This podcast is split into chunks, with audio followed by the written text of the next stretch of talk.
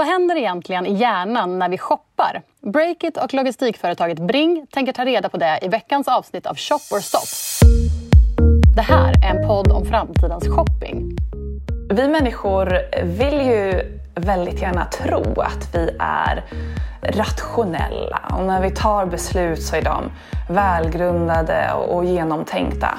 Brita Hellegren, psykolog på Psykologfabriken, vet hur vi människor funkar. Hon vet till exempel att vi tror att vi är så himla rationella medan vi egentligen bara går på känslor. Hon vet också att shoppingskam inte funkar och att vi älskar att vara som alla andra.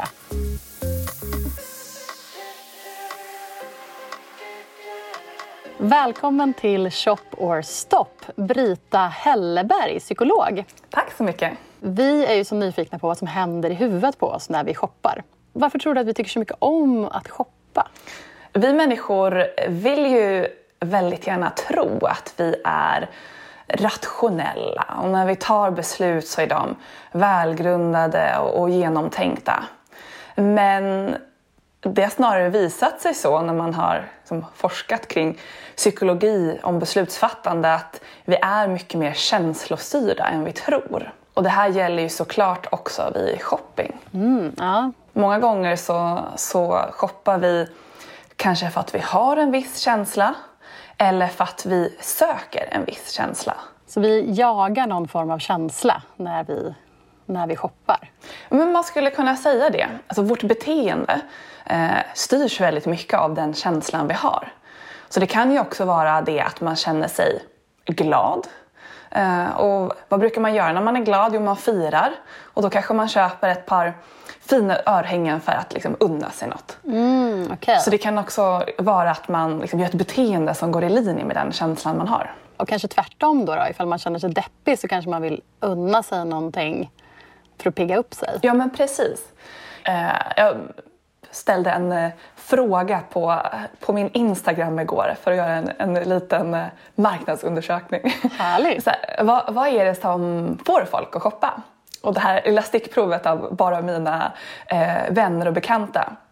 Men jag tyckte mig se ett mönster där. Mm. Att det handlade både om att söka lite mer aktivt en positiv känsla. Kanske det här att eh, man söker en kick, det är lite tristess, eh, man Mm, Liksom söker någonting som får en att känna sig nöjd, glad. Men också att man försöker undvika en negativ känsla. Alltså att man kanske känner sig stressad eller man är ledsen, nedstämd. Och så shoppar man för att få bort den känslan. Okej, gud vad intressant. Så det är liksom förströelse och någon typ av eh, botemedel mot att eh, känna sig liksom, uttråkad eller less eller deppig på något sätt. Ja, men det kan absolut fylla den funktionen. Vi får ju otroligt mycket liksom, marknadsföring och reklam som möter oss för att man ska shoppa mer eh, och liksom konsumera hela tiden. Hur, hur tror du att vi påverkas av det? Vi påverkas nog mer än vad vi vill tro. För det första så är vi människor verkligen gruppvarelser. Ja, men vi vill passa in i en grupp. Eh, det är så vi överlevt genom hela evolutionen. Och eh, det här gör ju att eh, om vi ser att andra har någonting så mm. kan man plötsligt märka att ett behov uppstår. Jag tycker att det är ganska tydligt. Jag har nyligen flyttat från innerstan till söder om Söder. Och nu bor jag närmare skogen och här går alla omkring i friluftskläder. Och helt plötsligt när jag bott här en månad så känner jag ett jättestort behov att jag behöver köpa mig en rutig ylleskjorta. Och jag känner att jag verkligen vill ha den här skjortan. Jag, Ja. Fram och tillbaka tänker jag, vad är fördelarna med den? Jo men den är varm och den är hållbar. Och i helgen så köpte jag en rutig ylleskjorta från Fjällräven. Så du passar in i din nya liksom, Söder om Söder-grupp nu? Precis, men det är ju inte så jag förklarar det själv. Utan när jag förklarar varför jag shoppade den så var det ju utifrån rationella och logiska argument. Jag behöver den, den är varm, den håller längre. Men jag undrar om det orsaken egentligen inte var för att jag såg att här söder om Söder går massa människor omkring i så sköna naturkläder.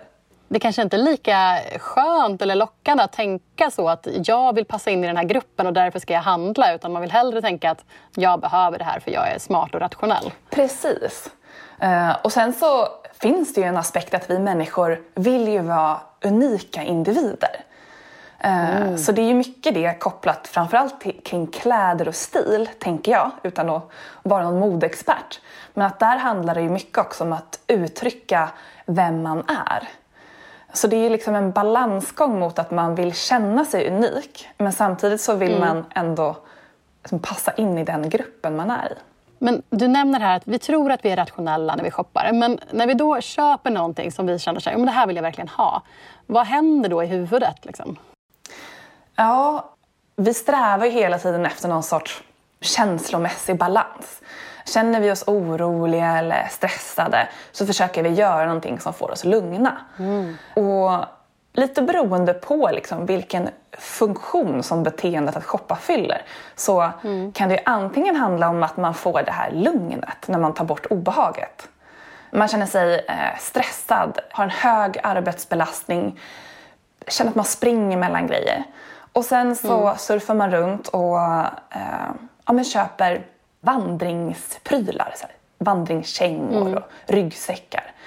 Och så sitter man där i februari och börjar planera sommarsemestern. Att ja, men i sommar då ska jag, jag ska ta det lugnt, jag ska ha tid för reflektion. Jag ska gå omkring i mina liksom, vandringskängor, jag ska ta långa vandringsturer. Mm. Och så köper man de där grejerna. Och då är det som att man gör någonting åt sitt problem. Alltså jag är mm. stressad, jag köper mm. vandringssakerna så att jag kan komma ut och ta det lugnt. Men i själva verket så är det ju ett lur för att jag har ju fortfarande inte kommit ut och tagit det lugnt. Just det, och det är kanske är flera månader kvar tills jag kommer använda de där grejerna. Precis, och sen så kanske man ändå bara använder dem en gång och det blev inte den här livsstilsförändringen som man trodde när man köpte det. Mm. Man kanske hade kunnat sätta sig och meditera istället. Liksom. Exakt. Men i det tillfället så blev det ju sådär att jag har en känsla, jag vill få bort känslan av stress. Så jag handlar naturprylar som säger mig att jag kommer ändra min livsstil. Och det liksom lugnar känslan i stunden. Kan man, kan man jämföra den där känslan som man får då när man shoppar, eh, som lugnar en, med någonting annat? Ja, bra fråga. En sak som jag tänker är lättare att jämföra det är det att just den här man kanske också shoppar för att man vill inte undvika en dålig känsla men mer som söka en kick. Mm. Ja, men exempelvis eh, tänker att eh, en ny klänning till när jag ska gå ut i helgen. Mm. Det kan ju verkligen ge en kick. Att så här, Åh, vad mycket snyggare jag känner mig, jag får bättre självförtroende. Och den kicken kan ju liksom aktivera belöningssystemet i hjärnan. Ah, okay. Mm. Och det är egentligen liksom samma centrum som aktiveras när vi uppnår något mål eller när vi får beröm och bekräftelse från andra. Mm, mm. Så det kan ju vara samma känsla när man kanske är ett tv-spel och klarar nästa nivå. Eller jag gör en bra presentation på jobbet. Mm. Det har ju börjat pratas en del om begreppet shoppingskam som kom lite här efter flygskam och andra typer av skambegrepp eftersom just shopping och överkonsumtion inte är bra för klimatet. Hur tror du att det påverkar hur folk känner när de shoppar? Mm. Skam, det uppstår ju när, när vi gör ett beteende som kanske går emot våra värderingar. Mm. Eh, att jag värderar klimatet. Jag vill vara en människa som värnar om miljön och naturen. Mm. Och sen så kanske jag går och köper de där jeansen. Och då är det väldigt lätt att sen i efterhand den där skammen kommer. Att, mm. men, skulle jag verkligen, behövde jag? Men det som ofta händer då är att man snarare börjar hitta förklaringar till varför man köpte byxorna. Ah, jag bortförklarar men, min skam liksom. Ja men precis, för det är liksom det är lättare att kompromissa lite grann med sina värderingar i stunden än vad det är att ändra sitt beteende. Så det är lättare att kanske tänka att ja, men jag köpte de här byxorna. Det var ju faktiskt bra att jag gjorde det nu för det var, det var rea. Eh, så jag fick dem billigare och det gör ju att jag kan köpa mer ekologisk mat istället. Och så börjar man liksom förklara bort det. För människor tycker det är väldigt obehagligt att ha en självbild som... Så man har en, en värdering om sig själv och sen gör man ett beteende som går emot den värderingen. Det obehaget vill vi inte ha, så då försöker vi liksom se till att synka våra värderingar med vårt beteende. Men när vi inte lyckas, som när skam uppstår, så tenderar vi snarare att ändra våra värderingar än att stå för att vi gjorde fel beteende. Ja, jag förstår. Så istället för att ändra beteende så ändrar vi värderingar? Exakt. För det kan ju vara så att man köper någonting och man känner den där skulden och skammen. Då är det liksom lätt att lägga det på sig själv. Att så här, men jag borde stått emot. Mm. Känner man ännu mer skam, mm. eh, vilket blir den här liksom onda spiralen. Att man då behöver hitta förklaringsmodeller kring varför jag gjorde det. Så därför så är liksom det här med att få människor att känna skam inte alltid en så jättebra strategi om man vill att någon annan ska förändra sitt beteende. Nej, nej. Så att det är liksom att, eh, att gå på den linjen och, och pusha folk att känna skam för shopping, det kommer inte få folk att vara mer klimatsmarta. Så det är egentligen inte en så smart väg att gå. Just eftersom vi inte är rationellt och logiskt styrda utan känslostyrda. Mm. Och det här tycker jag kan bli ganska tydligt om man tar... Alla har säkert varit med om det här i något eh, sammanhang. Man sitter i, i lunchrummet, vi har liksom någon kollega som äter kött och potatis och så har vi någon som är vegetarian. Mm. Och sen så blir det liksom en vegetarianen börjar säga att ah, det är inte bra med kött för, för klimatet. Mm. Den här äh, köttätaren känner sig påhoppad mm. Eh, och börjar hitta på massa argument kring varför det visst är bra med kött. Och då blir det att man börjar argumentera för det och så behöver man leva upp till liksom, de värderingar man har uttryckt. Men om man då vänder på det, då, man ska påverka folk positivt istället. Ja. Um, för jag tänker att det finns ju massa liksom, mer hållbara val man kan göra när man shoppar. Alltså man kan shoppa second hand, man kan shoppa smartare, bättre material, man kan ha mycket bättre koll på exakt vilken storlek man ska shoppa och så vidare. Man kan välja gröna leveranser eh, när man shoppar kan man få en ännu högre kick om jag shoppar någonting och även känner mig liksom nöjd med att nu har jag fastnat mig, jag har shoppat något jag vill ha och det är även hållbart. Jag tror att det beror väldigt mycket på vad man har för värderingar själv. Mm. Eh, om det är viktigt för en med klimatet, ja men då mm. såklart kan det vara så. Mm. Men framförallt så tror jag att kicken i stunden kanske inte blir jättemycket förändrad. Nej, okay. eh, men däremot så känslan efteråt. Man kanske har köpt en sparat ihop och köpt en stol man verkligen vill ha som man tänker man ska ha hela livet. Mm. Ja, men då kan man tänka att det här var ett medvetet val och liksom glädjas åt den längre. För jag kan ju känna så om jag har shoppat någonting och kanske varit så här, jo men, jo men jag vill ändå ha det här, nu köper jag det här. Och så kommer jag får jag hem det och så är det liksom invirat i vad som känns som tusen meter plast. Mm. Och då får jag ju ännu mer dåligt samvete och blir så här, men vad fasen. Eh, nu har jag till och med köpt nytt och så kommer det hem med en massa plast och så får jag ännu mer dåligt samvete. Liksom. Och då känns det inte lika bra i magen eller i huvudet.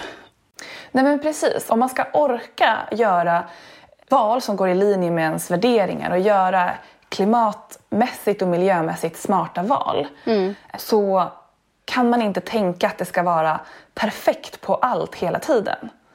För då kan man ju bli så liksom otroligt nedslagen. Men nu har jag ju tänkt igenom, nu har jag gjort det här valet för att det skulle vara bra för miljön och så, så kommer det hem invirat i plast.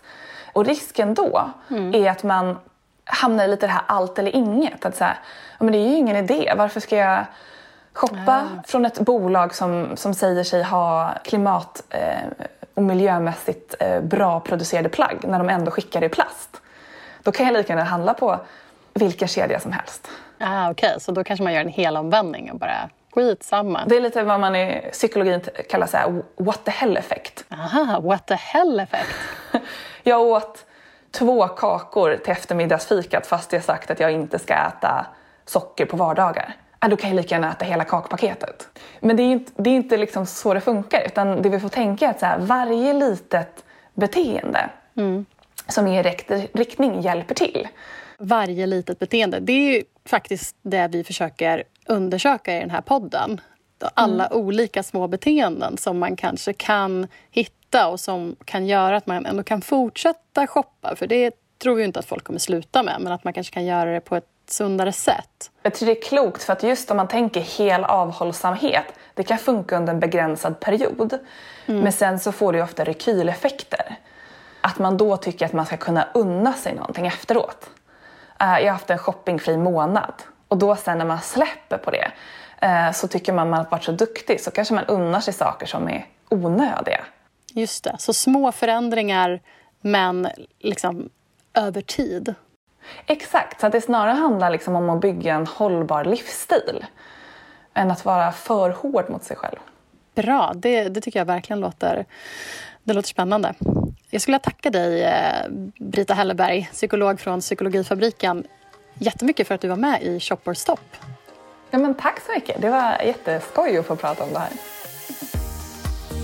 Du har lyssnat på Shop or Stop, en podd om framtidens shopping som vi på Breakit gör tillsammans med logistikföretaget Bring som siktar på att vara helt fossilfria 2025. I nästa avsnitt så pratar vi med modeentreprenören August Bard Bringeus, grundare av Asket. Han vill revolutionera modebranschen helt och få oss att shoppa mindre. Gå in i din poddapp och prenumerera på Shop or Stop så missar du inga avsnitt. Jag heter Karin Rorade. Vi hörs!